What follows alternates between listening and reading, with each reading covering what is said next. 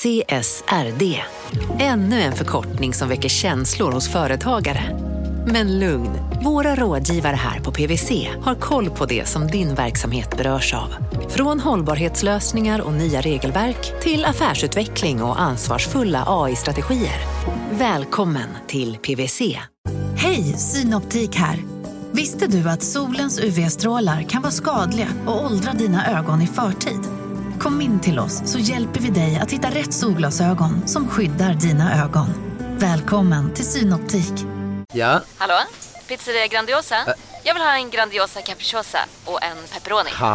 Något mer? Med kaffefilter. Ja, Okej, ses samma. Grandiosa, hela Sveriges hempizza. Den med mycket på.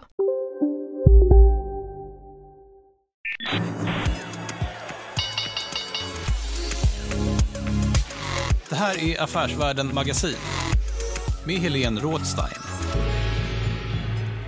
Hej och hjärtligt välkomna till podden Affärsvärlden Magasin där vi varje måndag fördjupar oss i affärsvärldens journalistik.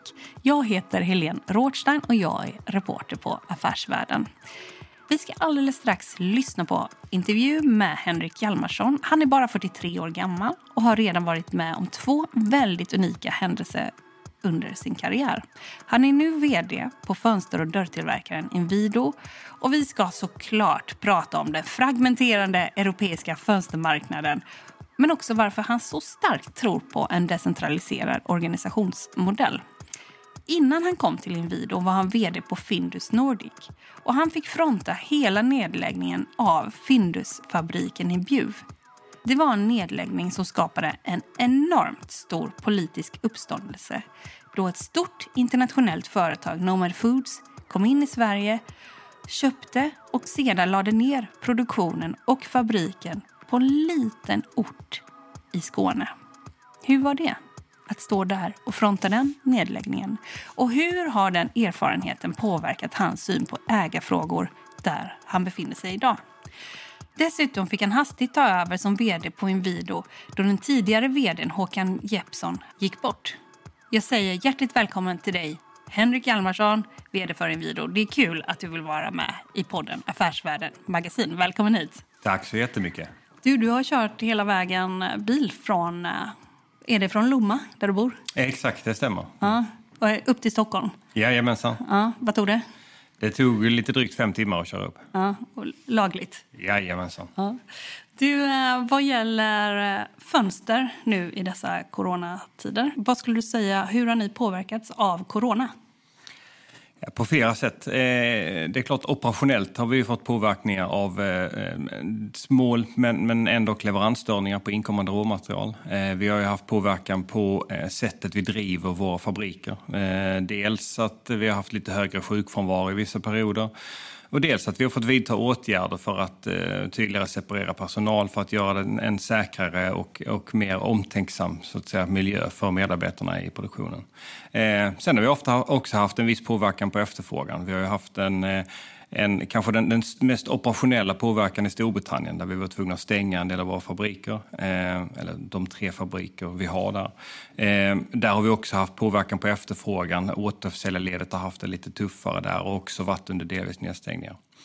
Eh, och en del segment som har påverkats negativt medan eh, jag tror att en del andra segment i det korta perspektivet har påverkats positivt. Alltså framförallt där, där Eh, vi har sett att eh, en del av våra kollegor i branschen, till exempel Byggmax och Bygghemma, har haft positiv påverkan på, av renoveringstrend. Så har vi också i, i de segmenten där vi säljer lite eh, mindre kvantiteter av fönster till hemmarenoverare också sett en väldigt positiv trend. Så det är lite blandat. Mm.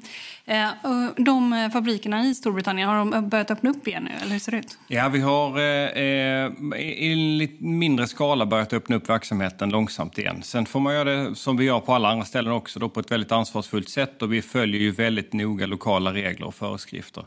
Eh, men, men eh, en av dem, vi har haft tre principer kan man säga som har guidat oss genom det här. Den första principen har varit en Eh, att eh, värna om hälsa och välmående för våra medarbetare. Eh, och då har det varit väldigt mycket fokus på att skapa en så trygg och säker arbetsmiljö som möjligt.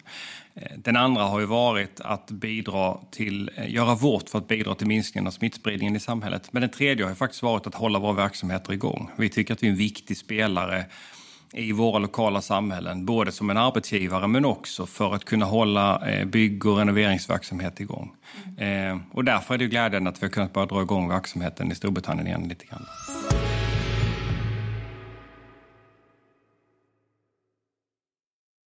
Marknaden sponsras av SPP, pensionsbolaget. Eh, förra gången pratade vi lite om ITP och som en kort repetition så, så var det ju 70-tal, arbetsmarknadens parter bestämde att alla tjänstemän ska ha en tjänstepension.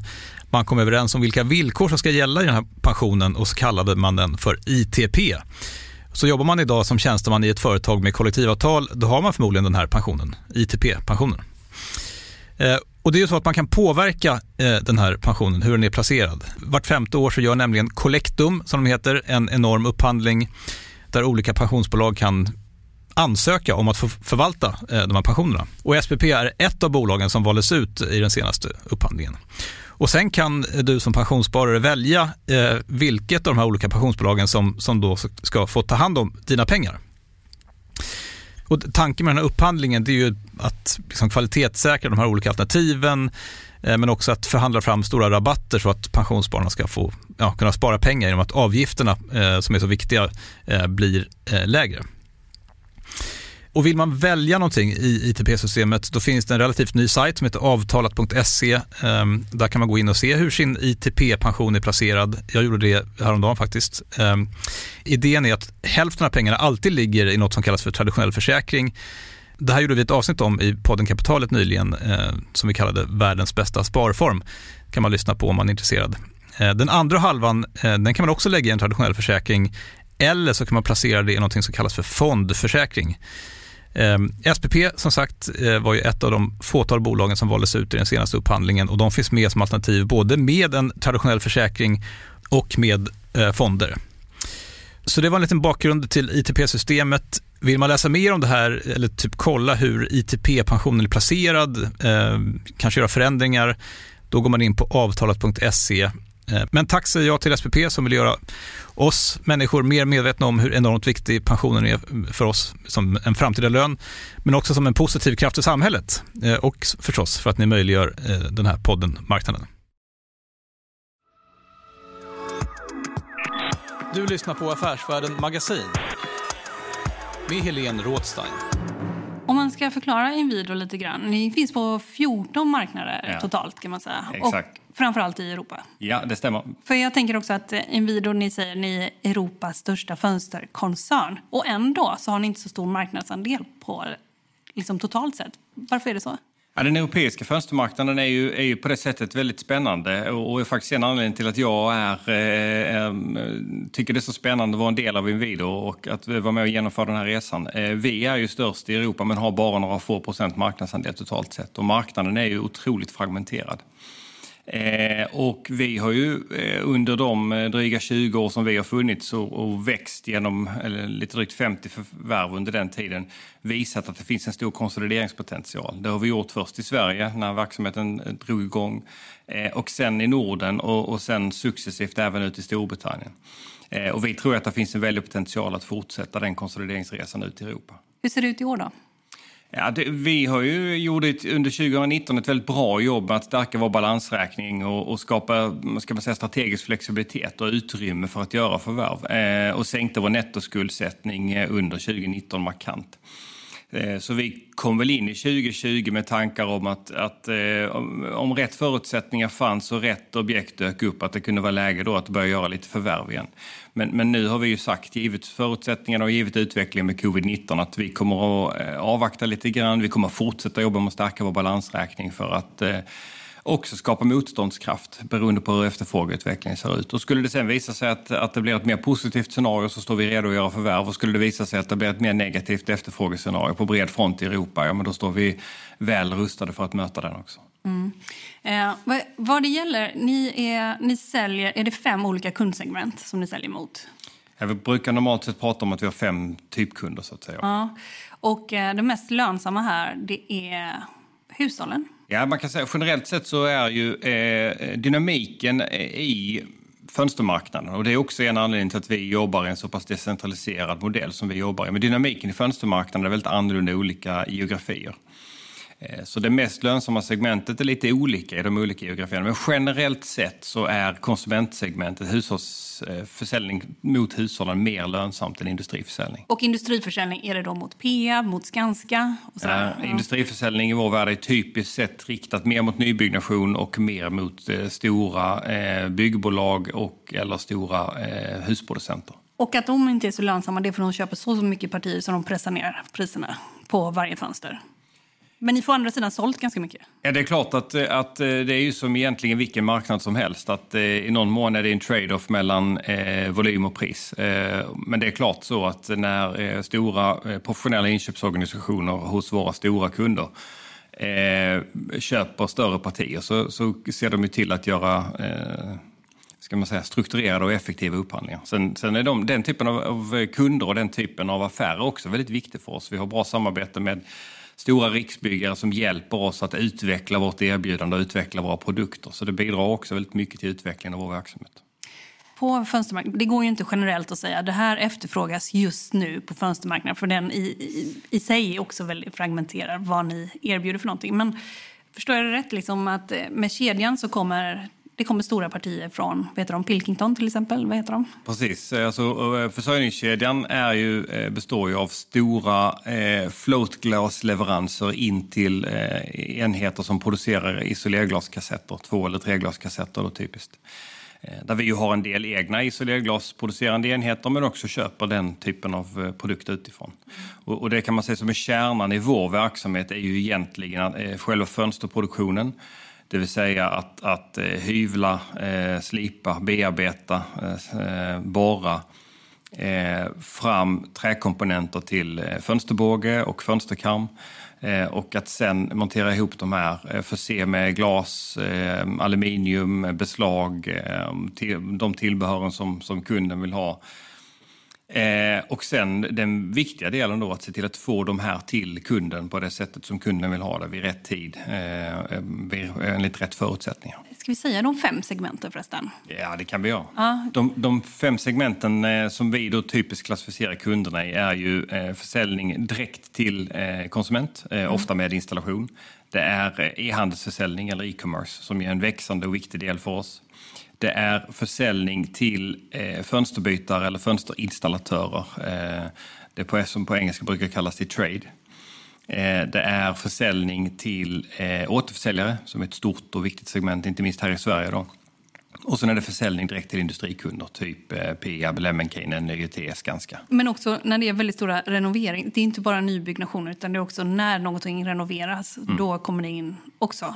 Väldigt så. Ja. Men det kan man säga att eh, det är den viktigaste och största delen av vår försäljning. Alltså vi säger typiskt sett så är en tredjedel av vår försäljning exponerad mot nybyggnation och två tredjedelar mot renoveringsmarknaden. Varför är det så? Så ser egentligen fönstermarknaden stort i Europa ut. Det varierar också lite per geografi, men, men i, i princip i alla, eh, åtminstone västeuropeiska länder, så är ju renoveringsmarknaden större än nybyggnationsmarknaden.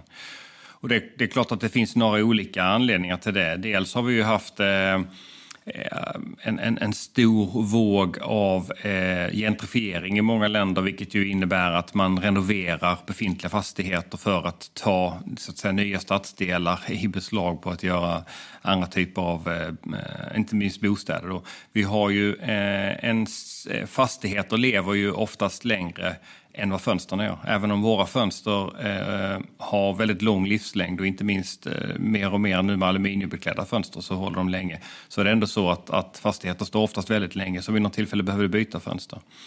Och sen så görs det ju i lite olika, olika geografier, men det har varit stora investeringar generellt sett i att eh, förbättra hemmet helt enkelt. Att, att renovera och förbättra sitt hem och kanske också bygga till sitt hem eh, för att bättre livskvalitet. Och där är ju det är ett viktigt segment för oss också. Det finns ju en trend, sådär, smarta hem, att ha uppkopplat hem, att man spisen kan sätta på sig själv och så vidare. Um, hur kommer glas och fönster in i den delen?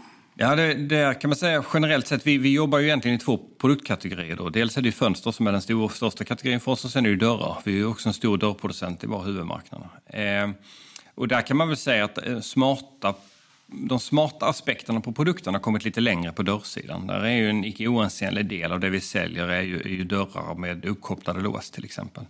På fönstersidan har, har inte utvecklingen kommit lika långt. Där har vi faktiskt en del egna produkter eftersom eh, just på fönstersidan är vi så starka och stora i Europa.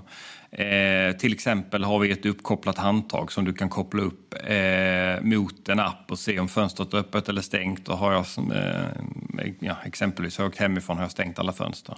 Ja. Det vi också jobbar rätt mycket med är ju andra egenskaper i fönstret som, som kanske inte traditionellt skulle benämnas som IoT eller smart men som är väldigt viktiga för eh, vissa segment. Ett bra exempel är ju vårt största finska bolag som tillsammans med ett innovationsbolag har lanserat en Eh, ett sätt att förstärka mobilsignalen. I dagens eh, nybyggda, väldigt täta hus, eh, som ju blir tätare och tätare av energi, eh, på grund av energikrav, så har också mobilsignalen blivit en utmaning. Eh, och där har vi plockat fram en lösning eh, där man med hjälp av eh, egentligen en etsning av eh, glaset i glaskassetten kan förstärka en passiv förstärkning av mobilsignalen in i huset, vilket då förbättrar mobiltäckningen i nybyggda, framförallt i första hand lägenheterna. Vad det gäller den tekniska delen kring fönster, vad tror du man kommer få se på sikt här mer?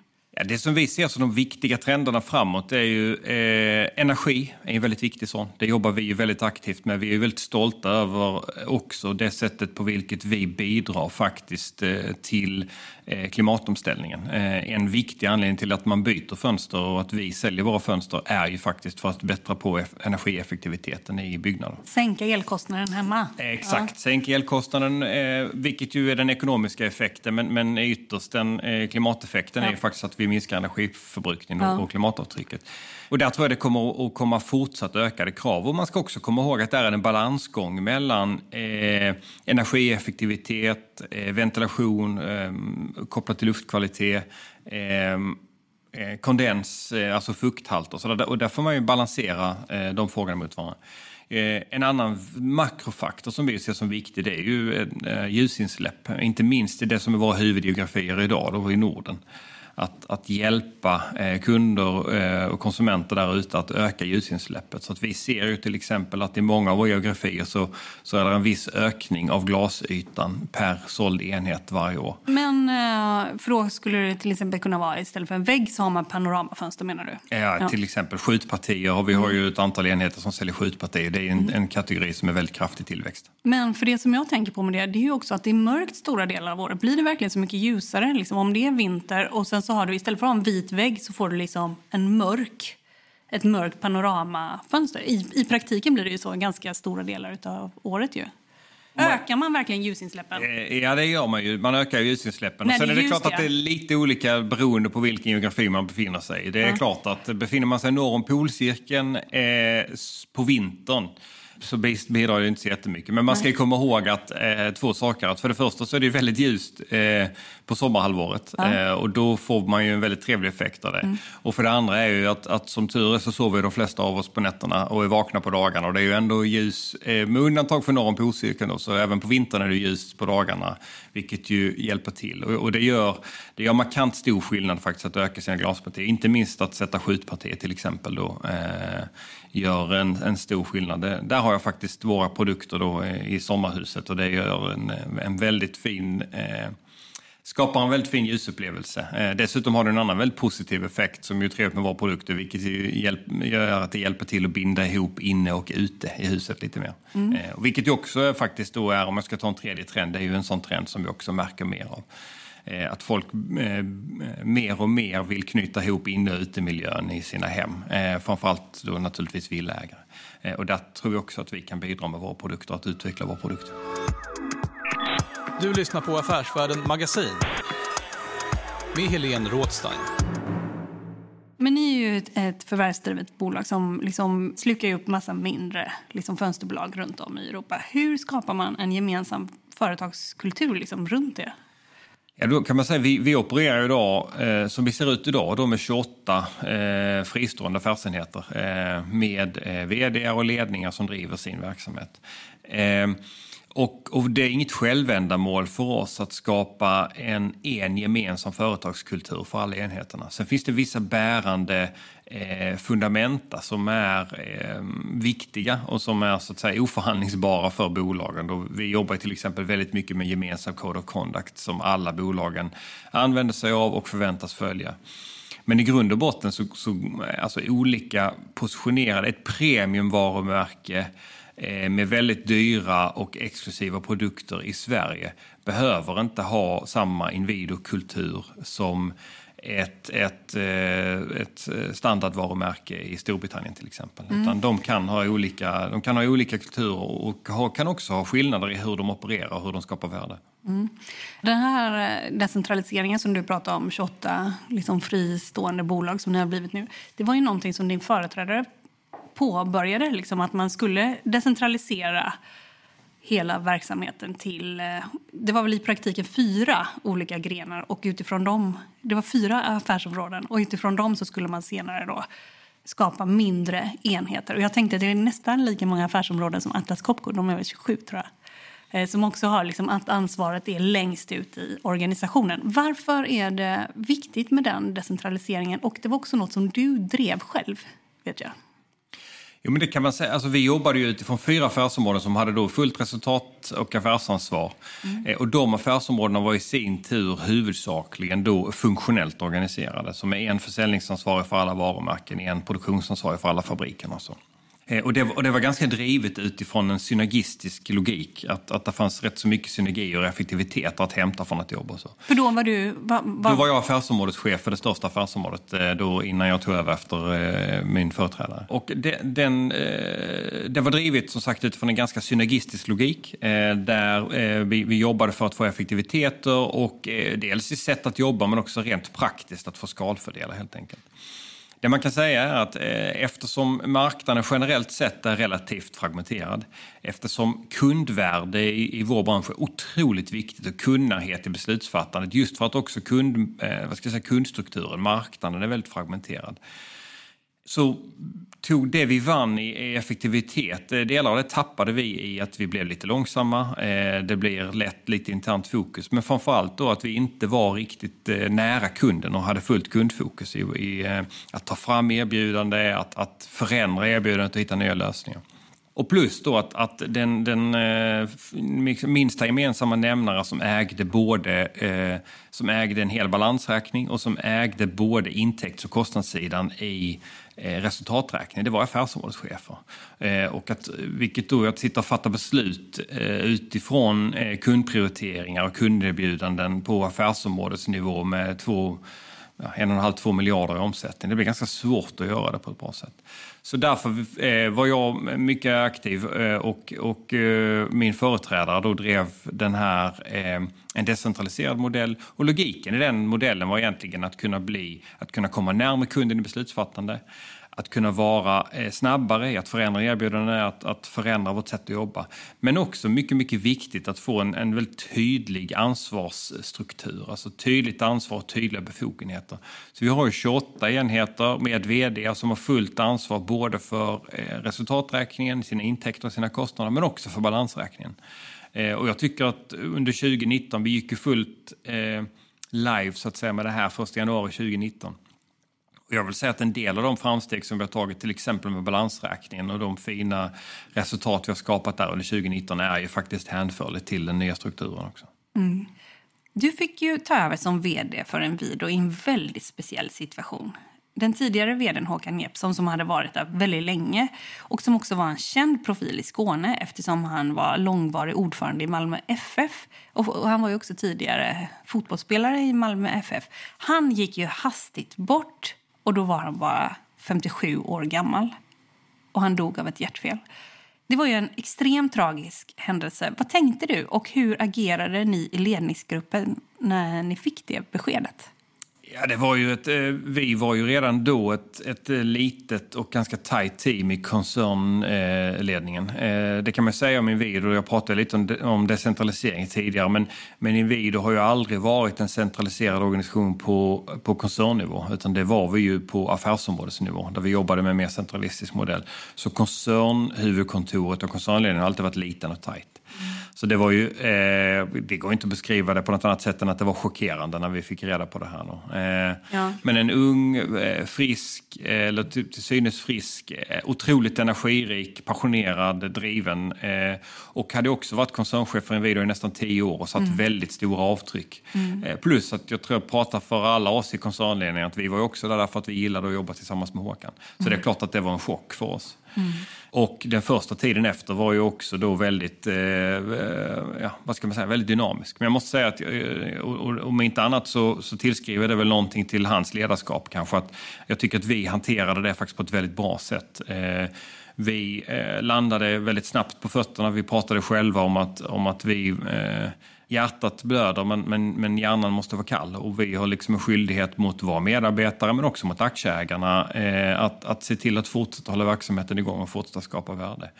Och det faktum att vi kunde landa på våra fötter, det faktum att vi har eh, kunnat eh, fortsätta implementeringen av eh, den, det som vi har kallat Simplified och den decentraliserade affärsmodellen. Att vi hade intern kandidat eh, som kunde ta över som, som koncernchef för bolaget tycker jag tillskriver någonting till styrkan som fanns i Inwido och, och Håkans ledarskap innan dess. Så att, eh, För han hade inte... påbörjat hela decentraliseringen. Och det gjorde det också i sig lättare för er att ta över. Eller som du är inne på, liksom, redan innan så hade han stort ansvar för flera medarbetare. Men det faktum att han också hade påbörjat det här, att det inte var så centraliserat, det var Ja, man kan säga att, att i någon mån i, eh, för mig som kom in eh, och tog över eh, efter Håkan då, så var det klart att det faktum att vi var mitt uppe i ett förändringsarbete gjorde ju att, att det fanns ett naturligt tillfälle att också sätta lite egna avtryck på eh, verksamhetsmodellen och hur vi skulle driva och styra. Så, så om man ska se alltså, eh, så här i efterhand att, att i det perspektivet, i den, Eh, Eh, marknaden sponsras av Karla. Eh, vi pratar ju en hel del om bilar här på kontoret. Eh, karla har ju skapat, skulle jag säga, det som är standarden för hur man idag köper och säljer bilar på nätet. Kort bakgrund bara. Karla säljer och leasar begagnade elbilar och laddhybrider på karla.se. Alltså en helt digital upplevelse. Och man har gjort det här med ett nästan maniskt fokus på vad en bilköpare faktiskt behöver. Jag gjorde ju en intervju med en av grundarna, Patrik Illerstig, i marknaden här eh, ganska nyligen, eh, daterad 25 mars, om man vill lyssna på den. Eh, men där berättar han hur de kom in i det här lite från vänster för att försöka uppfinna hela den här liksom bilköpupplevelsen från början. Och de har idag, vilket är rätt otroligt, 4,8 i betyg eh, på Trustpilot. Jag, jag har sett många företagssidor på Trustpilot, men det här är nog bland eh, det bästa jag någonsin sett faktiskt. Man kan sälja bilen till Karla också. Eh, då går man in på karla.se, delar lite info om bilen, sen får man en gratis värdering och ett bud. De hämtar bilen helt gratis i hela Sverige och så har man pengarna på kontot i samma stund som de hämtar bilen. Det är grymt. Eh, så ska du köpa en ny bil eller sälja din gamla, eller båda delar för den delen, gå in på karla.se och eh, kolla. Alltså karla.se och Karla stavas med C. Tack så mycket till Karla.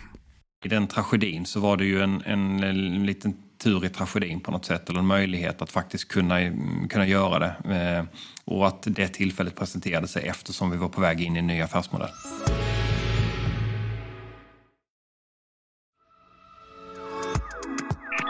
Du lyssnar på Affärsvärlden Magasin med Helene Rådstein. Du har ändå varit med om två liksom ganska speciella händelser eh, i näringslivet eller under din karriär, kanske ännu fler. Men det som jag ser utifrån det är ju dels Håkan Jeppsson, att du fick ta över efter en vd som gick bort och bara hopp, hopp, liksom kliva fram där. Eh, för du hade varit också ansvarig för det största affärsområdet då, tidigare. Och sen så var du också med att lägga ner Findus i Bjuv. Eller som man säger på skånska, Bjuv. Findus lägger ju ner sin verksamhet i Bjuv och flyttar den till Tyskland. En katastrof för bygden som riskerar att förlora runt 650 jobb. Vad tror du kommer hända här om eh, Findus försvinner med sin verksamhet? Det kommer ju att bli en utflyttningsby. Det, det, där är ju liksom ingenting det är ju svårt redan nu med arbetstillfällen. Det blir dödsstöten för kommunen. Mycket säger ju det. Varför är du här idag? Ja, jag är här för att visa stöd för Bjuvborna. Det är något av ett dråpslag som Nomad Foods vill rikta mot hela den här bygden egentligen. Det är de som jobbar i produkterna. Det är en väl fungerande och lönsam industri och jag tycker inte det är acceptabelt att de sitter i Karibien och bestämmer att nu lägger vi ner i Bjuv. Vi kanske skulle starta kampanjen Inte en ärta ska flytta till Tyskland! Inte en ärta ska flytta till Tyskland! Tack så mycket! Det där blev ju extremt stort mediepådrag. Fattar du det när det hände? Och man kan väl säga Nomad Foods som är, de är noterade i New York men de har huvudkontor i London. De köpte Findus. Ett halvår senare så la man ner fabriken i Bjuv. Det jobbade 475 kanske personer. Jag tror till och med på sajten att vi var fler än så, men det var ungefär så många som var direkt berörda mm. av, eh, av det varslet som lades då. Ja, fabriken hade funnits sedan 1941, så det var liksom hela Bjuv var ju involverad och det tog ju ja, men det tog skruv, hela saken. Nu, nu, är det, nu är jag ju eh, 100% fokuserad och engagerad i en video, men, men om man tittar tillbaka på den tiden så är det klart man har förståelse för det. Eh, alltså när det blir så många medarbetare som direkt påverkas så är det ju eh, en otroligt... Eh, Eh, det är, det är, turbulent för orten, men, men framförallt för alla de medarbetarna som blir direkt påverkade. Och sen i detta sammanhanget då, eftersom det var ju kanske ett av Sveriges mest välkända varumärken, så, så får det ju ytterligare en dimension. Eh, så att jag har, det har jag all förståelse för eh, att, eh, att uppmärksamheten blev som det blev eh, och att reaktionerna blev som de blev. För om man ska säga lite om uppmärksamhet, det var ju liksom det var ju på riksnyheterna såklart. Det blev en riksnyhet och den varade också ganska länge. Och det var också till exempel LOs ordförande Karl-Petter Thorwaldsson. Han blev ju ganska berömd när han stod på någon scen där i Bjuv och sa, hur var det, ingen ärta? Inte en ärta ska lämna Bjuv, tror jag att han sa. Inte en ärta ska lämna Bjuv. Liksom. Och det var också liksom, eh, det var stora parader, det var en man ur huset. Och det, var, det är nästan som man tänker på det så här att om det här hade varit en film så hade man tyckt det är för klyschigt. Det går inte att göra en sån här film för att det är liksom den lilla lokala orten, det kommer det stora kapitalet. Vi har sett det så många gånger förut. Det för, liksom, vi kan inte ha så klyschig film helt enkelt. Vi, vi får ha någon annan film, liksom någon annan take på det. Med all respekt till de som eh, förlorar jobbet och sådär. Men liksom, kan du på något sätt fatta eh, att, eh, att det blev så? Att det blev så stort? Ja, som jag sa, alltså, man ska komma ihåg att det var, det var väldigt många medarbetare och, och också kollegor som, som jag ju faktiskt hade jobbat. Jag, jobbat, jag jobbade på Findus ganska länge innan jag började på ja. Jag har tio år, ja. ja. ja. Så det är klart att, att jag har där, den, deras reaktion, eh, och den är ju egentligen helt kop, frikopplad från massmedias reaktion på något sätt kan man säga, men den har jag all förståelse för. Eh, och också givet det arv och den historik och den styrka som, eh, som Findus varumärket hade, så har jag också förståelse för den. Eh, Sen att det blev så uppmärksammat i nationell media, det tror, det tror jag har mycket att göra med att det är ett välkänt varumärke. Eh, och eh, jag tror kanske också lite att, att eh, livsmedelsförsörjning eh, och livsmedelsproduktion är en sak som ligger nära hjärtat för många människor. Eh, och då blir det också lite speciellt. Men jag tänker också, du måste också ha funderat en del på ägarfrågor liksom kring det här. Eh, vem är det som äger bolaget? För att eh, senare liksom så Findus hade ju vandrat en del steg. Det hade ju varit eh, Nestlé, EQT, Nomad Foods. Äh, var det någon annan där som jag missade? Ja, vi har en ägare till som heter Lion Capital och en som heter Capvest. Mm. Men vad gäller ägarperspektivet, det finns ju en allmän debatt också som är där ute som handlar om eh, man ska värna om svenska bolag så de liksom stannar i Sverige för att om det, om det kommer in utländska ägare så bryr man sig inte om liksom, lokalsamhället. Och, eh, det här måste du ändå ha tänkt på lite grann. Ja, det, är klart, det får man ett perspektiv på. Alltså där tror jag det gäller att vara lite balanserad. Alltså, å ena sidan så måste man ha respekt för att eh, Dels för att, att aktieägarna, eh, at the end of the day, är ju de som bestämmer. Det är ju aktieägarna som finansierar verksamheten. Det det är aktieägarna som tillsätter styrelsen, som tillsätter ledningen. Eh, och det är med aktieägarnas pengar som man bedriver sin verksamhet. Eh, men, eh, och det perspektivet ska man också ha insikt i att, att eh, där blåser liksom ett kontinuerligt förändringstryck i samhället. Det kan man inte bortse från. Eh, som handlar om vad då? Ja, alltså som, och då menar jag allt generellt, alltså inte specifikt kopplat till ärtproduktion. Utan att eh, teknologisk och samhällsmässig utveckling driver förändringar i hur man kan göra affärer och på vilket sätt. Och det driver mm. också förändringar i konsumenters ja. beteende. Och det förändringstrycket kan man liksom inte fightas emot. Nej, nej. Men, men sen tror jag heller att man, när man säger det så, så kan man heller inte tillåta sig att bli liksom en eh, någon slags eh, eh, ultrakapitalist. Utan det är också viktigt att, att balansera det med att titta på vikten av lokal närhet. Eh, inte minst vikten av, av kompetenta människor och att, att ha en kom, liksom, försörjning av kompetens i samhället. Eh, Eh, Eh, men, men, och vikten av att människor mår bra på sin arbetsplats och får förutsättningar. Så jag tror på något sätt får man sig en tankeställare att försöka balansera de två perspektiven lite grann. Sen kan man väl då säga, ja men vi gjorde ett ganska dåligt jobb med att balansera det perspektivet just när, när Nomad Foods eh, fattade beslut om att stänga anläggningen i Bjuv. Ja, det får man ju säga. Det var ju väldigt många medarbetare och mina kollegor som drabbades otroligt negativt av det. Och, och så blir det ibland. Eh, vad har du, ja. Men jag tror, alltså en, en, jag tror en viktig lärdom av det där är att balansera eh, perspektivet på att, att vi måste hela tiden våga fatta svåra beslut för att utveckla verksamheter. Ibland påverkar det medarbetare väldigt negativt. Det är alltid tråkigt när det blir så, men, men det är en naturlig del av samhällsutvecklingen. Och vi måste hela tiden komma ihåg att det är aktieägarnas pengar som finansierar vår verksamhet. Det är de som förväntar sig avkastning på det vi gör. Och, eh, och då, eh, då behöver vi hela tiden ha deras intresse. Men å andra sidan så måste vi ha ett, ett en, en mer mänskligt perspektiv på vårt eh, på vårt sätt att göra affärer eh, och, och försöka på något sätt balansera de två. Alltså som ett konkret exempel kan jag säga att vi, vi tar ju eh, i vår hållbarhetskompass som vi jobbar efter i tre dimensioner då, eh, på Inwido så har vi ju en av de pelarna är ju att ta ansvar för de lokala samhällena. Vi ser att vi är en viktig del, är vi en, en stor arbetsgivare på de orterna där vi finns. Vi finns ganska ofta på landsbygden eller eh, åtminstone i, i lite mindre städer ute i landet. Eh, och där ser vi dels helt krast för egen del, vi måste säkra långsiktig kompetensförsörjning i de här orterna, vi måste säkra livskraft i de här orterna. Men faktiskt också som ett ansvarstagande för samhället att säkra eh, ekonomiska förutsättningar för eh, folk att kunna bo kvar i, på sina orter. Att, att vi vill vara en bidragsgivare. Va, va, vad gör ni då konkret? Dels så jobbar vi ju eh, väldigt mycket med eh, andra lokala intressenter. Typiskt, alltså vi jobbar med eh, lokala, lokalpolitiken, med näringslivsutveckling och så för att försöka ta en roll i det.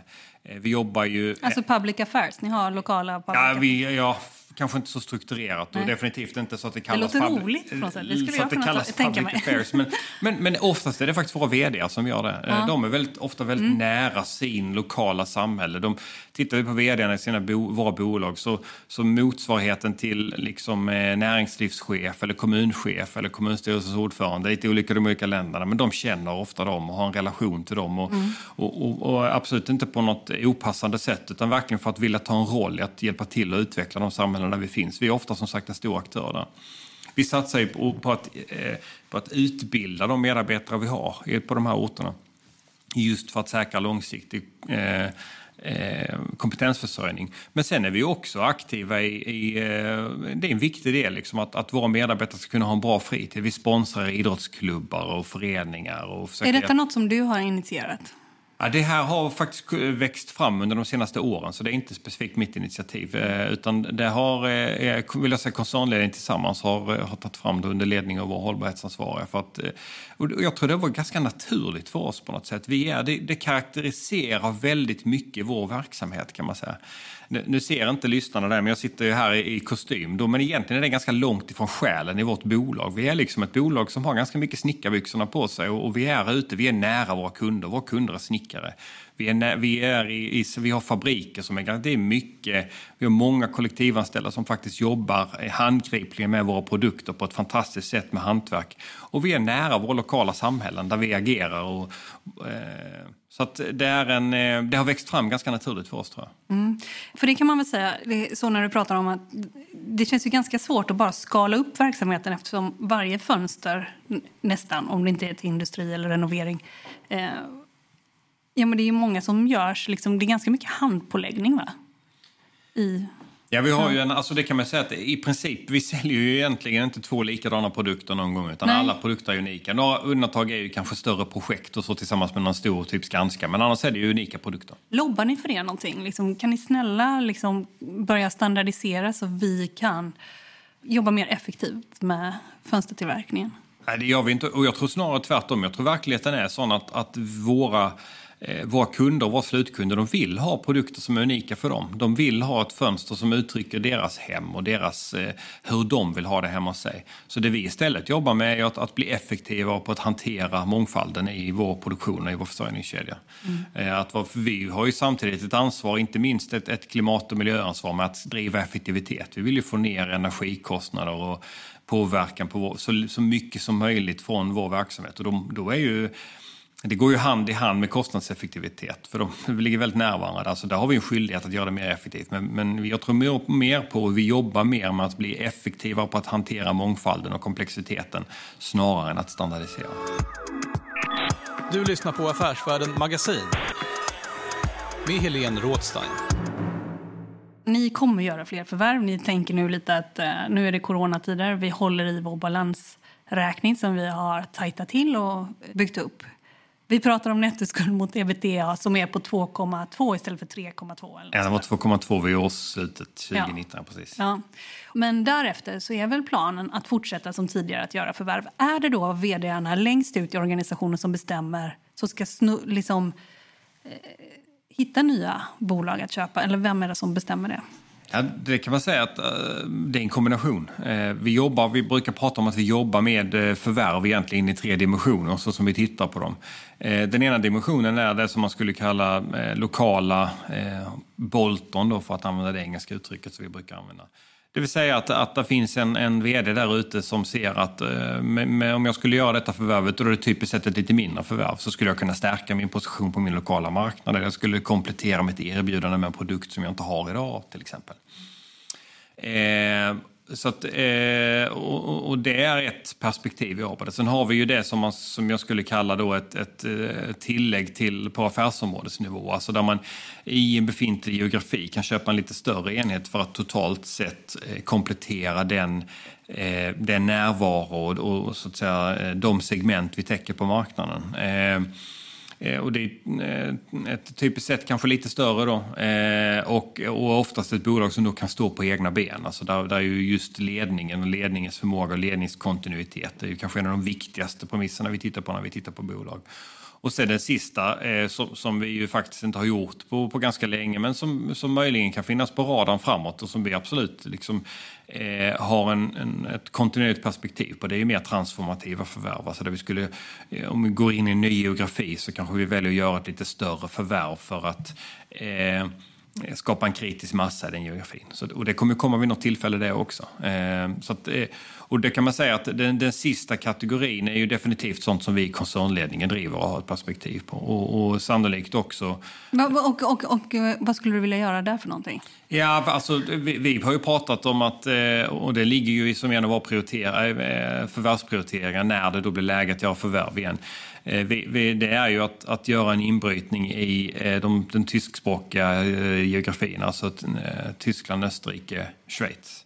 Eh, men men det, som är, det som är grejen för oss är att det ska vara rätt. eh, Vi är rätt så picky när det gäller att, att välja rätt eh, eh, rätt objekt. Eh, och, och som jag sa, det, det vill till att det är, ett, eh, det är ett bolag som har en stark position i sin nisch. Vi köper hälsosamma bolag, inte turnaround-case. Eh, och inte minst, eh, som jag sa, ledningskontinuitet. Det är otroligt viktigt. Så antingen att vi förvärvar en ledning som är väldigt kompetent och som vill stanna kvar, eller att vi har en väldigt tydlig ledningssuccession internt. Då. Och sen är det såklart en fråga om finansiering. Alltså vi, just nu så väljer vi att vara lite mer försiktiga givet eh, osäkerheter runt efterfrågeutvecklingen. Men, men, men när det finns stabilitet och eh, eh, bättre förutsägbarhet i det så tycker jag att vi har gjort ett så bra jobb med att stärka vår balansräkning så att då kan vi absolut gå ut och vara lite mer aktiva på förvärvssidan. Mm. Ni har ju en eh, finansiell ambition att öka op- operationell ebitda med minst 10% per år. Men där är ni inte riktigt än. Varför inte?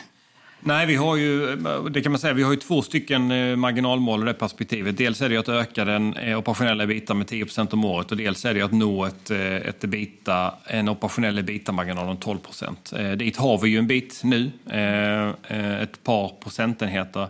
Eh, och det är klart, där finns ett antal faktorer bakom det. Eh, jag brukar säga att, att ska vi komma till de 12 procenten så behöver vi lite hjälp av, av eh, marknaderna, framförallt i det vi kallar affärsområde Nord, alltså huvudsakligen Sverige och Finland, eh, som har varit lite tuffare ett tag, framförallt på industrisidan. Eh, men vi måste också fortsätta utveckla våra verksamheter och göra ett, ett, eh, ett ännu bättre jobb med att, att stärka våra positioner. sen har vi ju tagit, när vi, när vi presenterade första kvartalet här 2020 så var det fjärde kvartalet i rad med stärkta marginaler. Eh, så vi Kul! Tar, ja, jätteroligt. Ja. Det är vi stolta över. Inte minst givet att då efterfrågesidan har varit lite tuffare under 2019 framförallt. Så det är vi glada över. Men, men som sagt, vi behöver skruva upp det tempot ytterligare för att komma till de målen. Vad det gäller ägarna, ni har ingen huvudägare kan man säga. Va, vad tänker du om det? Ja, det är klart att, att det skapar lite speciella förutsättningar. Eh, ur, ur, i, I något perspektiv så tror jag att, att arbetet, ur ledningens perspektiv så tror jag egentligen inte att det är så jättestor skillnad. Eh, vårt jobb är att jobba konsekvent, eh, metodiskt, hårt eh, och aggressivt för att skapa långsiktigt aktieägarvärde. Eh, och det tror jag en huvud, huvudägare eller inte huvudägare så är det, de prioriteringarna är de samma. Eh, I någon mån tror jag ibland att det, blir, det, det, det, skapar lite andra förutsättningar för styrelsen då. Som, som om man har en väldigt tydlig huvudägare, kanske lite naturligare har en länk in via styrelsen. Vår styrelse är ju utsedd av stämman eh, men, men sen i sitt agerande eh, blir ju väldigt oberoende och också, måste också vara väldigt ansvarstagande. Eh, och, så jag tror att eh, operationellt sett eh, tror jag faktiskt att det har väldigt lite påverkan på, eh, på verksamheten. Vi, eh, vi har samma, våra aktieägare har samma långsiktiga intresse i att få avkastning på sina investeringar som, som om de hade varit en huvudägare. Men det som jag tänkte på är ju att eh, ni själva skulle kunna bli uppköpta utan att det är någon tydlig huvudägare som sätter emot. Ja, det, alltså det är klart att det, det, jag menar, alla bolag kan väl bli uppköpta. Eh, och, och i någon, jag tänker så här att, att, att vårt jobb eh, eh, som ledning i bolaget är ju att göra oss till ett attraktivt bolag. Eh, och som ett attraktivt, ett attraktivt bolag karaktäriseras av att många vill äga aktien. Så om det finns många som är intresserade av att äga våra aktier så ser inte jag det nödvändigtvis som ett problem. Jag ser det som att vi har gjort det jobbet vi ska göra. Mm. Eh, Eh, så att, eh, ja, det, men det är klart att, att det, finns, det finns den typen av konsekvenser möjligen av eh, ägarstrukturen. Hur mycket äger du själv? Jag äger i nuläget 14 000 aktier. Och hur stort värde är det då ungefär? Ja, eh, aktien står väl idag i knappt 60 kronor så att, eh, det är väl 800-900 000 om jag räknar rätt. Och har du för avsikt att köpa fler aktier? Eller? Jag har eh, Eh, konstaterade häromdagen att jag under mitt första år som koncernchef eh, köpte aktier för 20-25 procent av min nettolön. Så att, eh, jag tänker, eftersom jag är ju här för att jag tror på eh, den, den värdeskapande potential som vi har och tror på den långsiktiga potentialen. Så att, eh, jag kommer säkert att köpa fler aktier. Okej, jag säger tack till dig Henrik Hjalmarsson, VD på fönster och dörrtillverkaren Inwido för att du var med. Tack. Tack. Du har lyssnat på podden Affärsvärlden Magasin som utkommer varje vecka. Jag heter Helene Rothstein och mer fördjupande journalistik om näringslivet och om börsen det hittar du i magasinet Affärsvärlden och på sajten affärsvärlden.se. Och podden den är tillbaka om en vecka. Håll ut!